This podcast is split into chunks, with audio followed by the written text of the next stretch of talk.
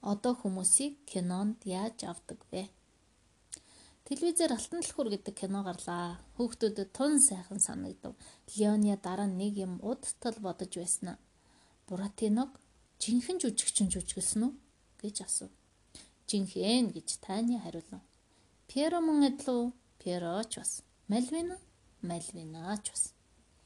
Тэгвэл яагаад гурван том хүн жирийн ширээн дээр багтчихсан юм бэ? Маш том ширээ хийгээд дээр нь гарахад том хүмүүс жижиг юм шиг харагдсан байгаа биз? гэж Эришка хэлв. Үгүй ээ, дэрэгд нь Карла ав зогсож байсан. Жижигхэн ширээ гэдг нь сайн харагдаж байсан юм чинь гэж Леони маргав. Энэ удаад Таня тэдэнд юу ч тайлбарлаж өгсөнгүй. Дараачийн нэм гарагт кино авдаг зүг аппарат аваад хүүхдүүдийг найз Игортай хамт дагуулж ойд очив. Тэгээд Таня та нар ил бүзэх үү? Тгий тгий гэж хүүхдүүд хариулжээ. Таны аппарата гурван хөлт дээр зогсоогоод Леония Иришка хоёрыг хажууд нь үлдээж Игрэг ойн талбарын цаа тал зогсоолоо.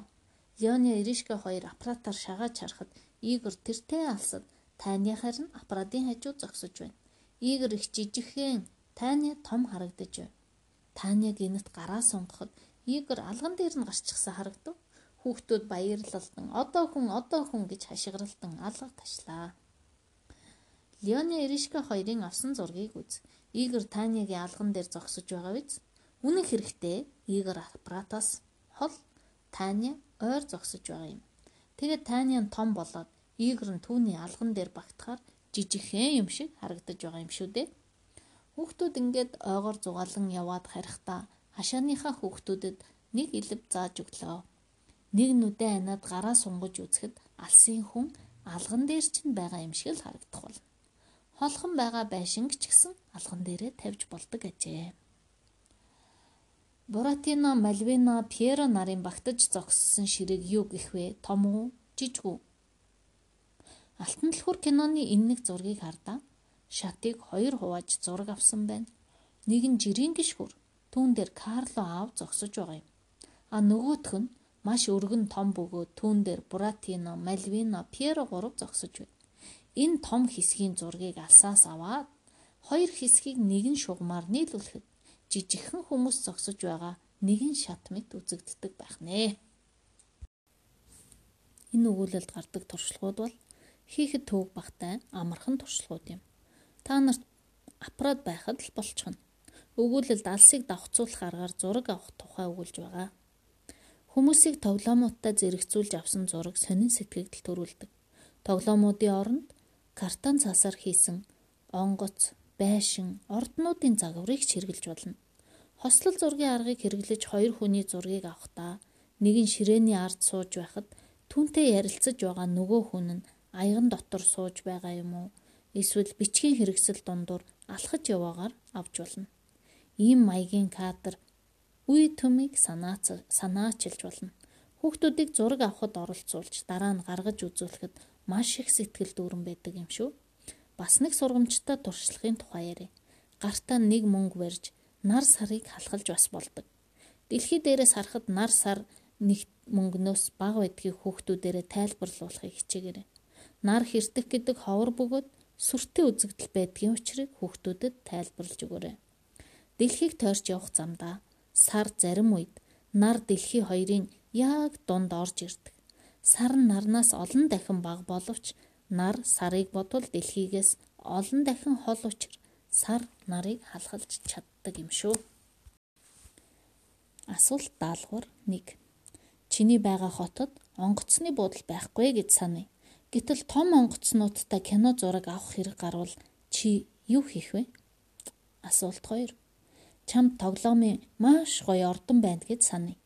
Тэгтэл кино зураг авахдаа найзуудыгаа том ордны дэргэд байгаагаар зураг авах хэрэг гарвал яах вүлээ? Асуулт 3. Аврах бэгтэн болох хүсэл чамд төржээ. Кино болон фото зургаар яаж энэ хүслээ биелүүлэх вэ? Зураасан хүн ам орсон нь. Леоны нэг хүн зураад цэрэг гэж нэрлэв. Хөөхөн цэрэг болжээ. Леоны түүнийг харж харж үүнийг жигсаал алхаагаар алхдаг болгоул дөгдөө гэв. Явуулчих болно л доо. Гэхдээ олон л цэрэг зурах хэрэг гарна. Иришка тэнд зогсоод зэрэг хүн яаж жагсаал алхаагаар явдгийг үзвэл. Иришка хажуу тийшээ болоод алхалж яваа хүний байраар зогслоо. Леони харин дууралгаж зурв. Хүлээ жаахан урагш тавьж Таня командлахад Иришка ёсоор болгосныг Леони бас л зурж авлаа. Иришка 8 янзаар зогссон байдлыг Леоно зурлаа. Их сайн байна. Одоо цэргүүдийг зурсан цаасаа хайчилж аваад хүн бүхний хооронд нарийнхан гонцгой нүх гаргая. Дараа нь цаасаа зургуудын дотор байхаар дугуйлж наая гэж Таня хэлв. Зурагта цагирга пенц тоглуулагчийн хүрдэн дээр тавиад эргүүлжээ.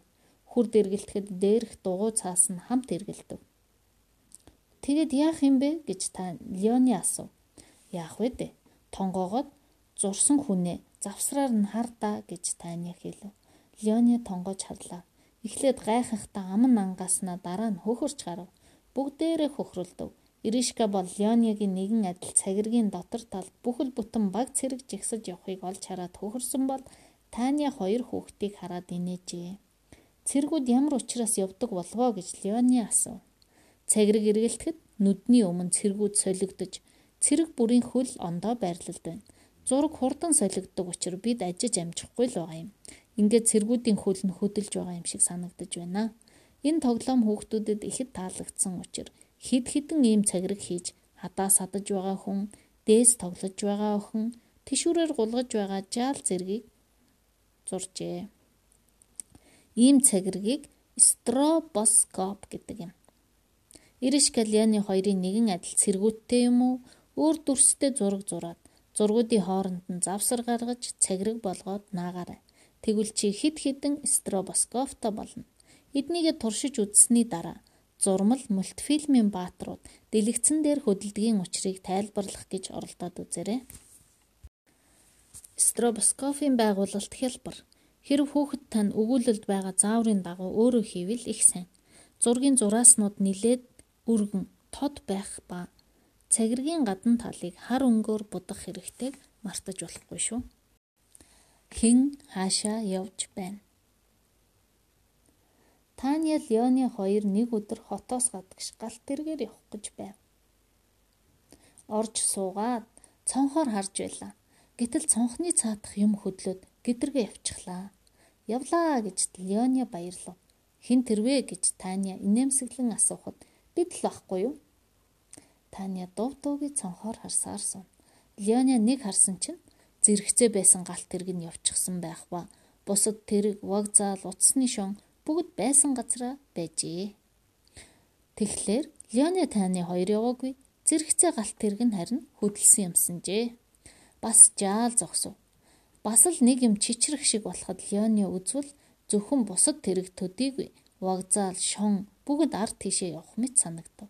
Таня одоо бол бид хөдлөлөө. Хараараа тэр тосхныг. Бидний хажуугаар түргэн өнгөрч байна. Бид зогсож байхад тосхон явж байна гэв. Биш ээ, бид явж байгаа юм хар л да. Тэр хүүхдүүд гараараа даллаж байгаа гэж Леоня хэлв. Тийм л дээ. Тэд өөрснөө зогсож байгаа. Биднийг явж байгаа гэж санаж байна. Тэгвэл бид зогсож байна. Хүүхдүүд явж байна гэж бидэнд санагдаж байна шүү дээ. Таня жижиг өртөөнд буугаад замын давцан дээр зогсож байхдаа зогсож байна уу, явж байна уу гэдэг ямар газар үзэхээс хамаардаг юм гэж хэлв. Бид энд хөдөлгөөнгүй л зогсож байна. Тэгвэл сарн дээрээс хүчтэй дурангаар биднийг үзвэл бид дэлхийтэйгээ хамт явж байгаа шүү дээ. Италийн их эрдэмтэн Галилей анх томьёолж хожим нь Альберт Эйнштейний харьцангуйн онолдоо гүнзгийрүүлсэн хөдөлгөөний харьцангуй зарчим бол төвөгтэй нарийн асуудал. Балчир хүүхдүүд ойлгохгүй. Харин хөдөлгөөн харьцангуй байдаг чанар нь өгүүлэлд бичсэн жишээгээр тайлбарлагдаж байгаа ба хүүхдүүдэд үүнийг хэлж өгөх нь чухал юм шүү. Асуулт даалгавар 1. Эргүүлэг дээр сууж явхад чи хөдлөөгүй. Харин газар дэлхий чамайг тойрон эргэлдэж байгаа юм шиг санагдсан удаа байгаа юу? Асуулт 2. Дэлхийн бөмбөрцөг эргэлддгийг бид яагаад мэддэггүй вэ? Наран цаг. Иришка Леоны хоёр ойд зугаалж явлаа. Зугаалах сонирхол буурахт нь наранд бие шарав. Иришка унтчихжээ. Леоня хөвтөөдлөө хөвтөөдлөө. Модны сүдэр тусахт нь зайлж нартай газар хөвтөв. Сүдэр дахиад л хүрэдэрлээ. Леоня дахиад л байраа солилоо. Өдөржин биеэ шарсан ба Леоня өдөржин сүдрээс зүхтэж байв. Маргааш өглөө наран цаг зохиожээ. Илсэн дээр дугуй зураад голд нь саваа хатхав. Тэнгэрт нар аялахад савааны сүдэр дугуйг даган хөдлөх бөгөөд хүүхдүүд цаг тутамд сүдэр туссан газар дугуй тэмдэг тавьж байв. Маргааш нь бүгд цагаа тойрон сууж шалгаж байлаа. Иришка хажуугаар өнгөрч явсан нэг эрэгтэй хүнээс "Аха, цаг хэд болж байна?" гэж асуув. Тэр хүн нь "Яг 7" гэж хариулав.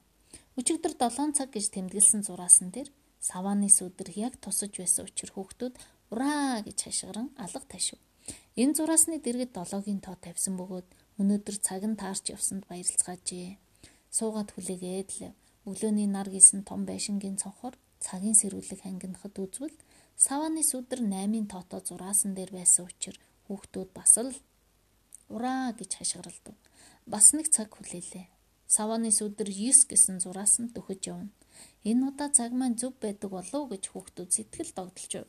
Гэтэл сүдэр зураасан дээр яг ирэхэд нэг цонхны цаанаас радиогоор Новосибирскд 9 цаг сүлийн үеийн мэдээ нэвтрүүлье гэхэн дуулдав наран цаг зөв явж байгаа гэж хүүхдүүд итгэлээ.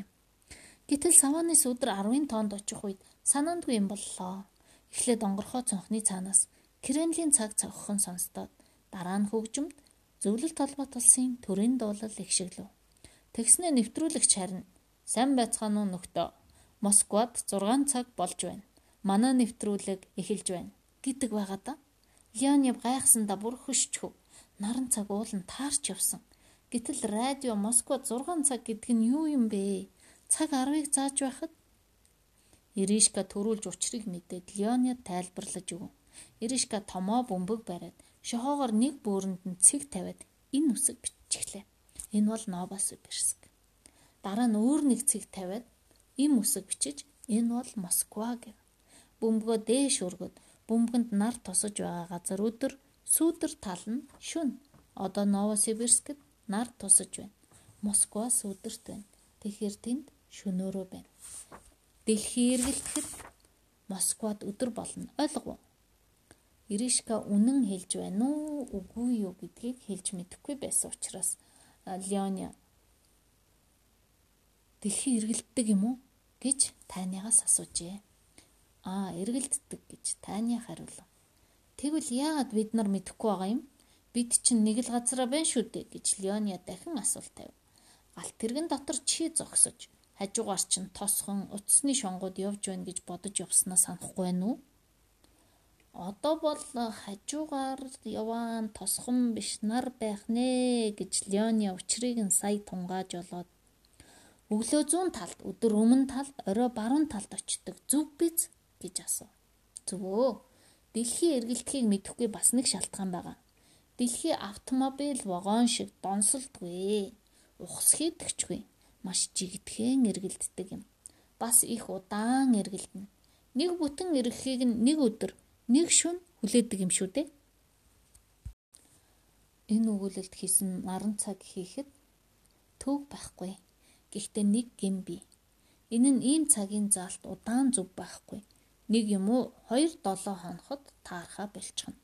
Учир нь Тэнгэрийн мандал дахь нарны өндөр улирлаар өөрчлөгддөг. Нар дорндын ба өрөндийн цэгүүдэд ирэх нь улирал бүрт адилгүй. Иймээс тогтмол зөв явдаг наран цаг үлдэх гэвэл хийцийг нь баг зэрэг өөрчлөх хэрэгтэй. Сүүдрэн зүү болдог савааг умар зүг хазаалгаж өгөх хэрэгтэй юм аа. Хазаах өнцгөн танаа байгаа нутгийн өргөрөхтэй яг тэнцүү байвал зохино. Алтан гадас одны өндрийг трансфертер ихцлүүр хоёроор хэмжвэл тэр нь өргөргийн ойролцоо боловч манай хэрэгцээнд хүрэлцээтэй нарийн тодорхойлж өгнө. Ийм цаг хийхэд цагийн тоог тавихтаа гадаа гаргаж зүг чанх хойд зүгт хандуулан байрлуулад цаг харж байгаад сүудрийг нь тэмдэглэх хэрэгтэй юм шүү. Асуулт даалгавар. Янз бүрийн хотуудын цаг яагаад өөр байдаг вэ? Жишээ нь Москвад өдрийн нэг цаг болж байхад Свердловскт 3 цаг, Новосибирскт 5 цаг, Ирхүүд 7 цаг гэх мэт.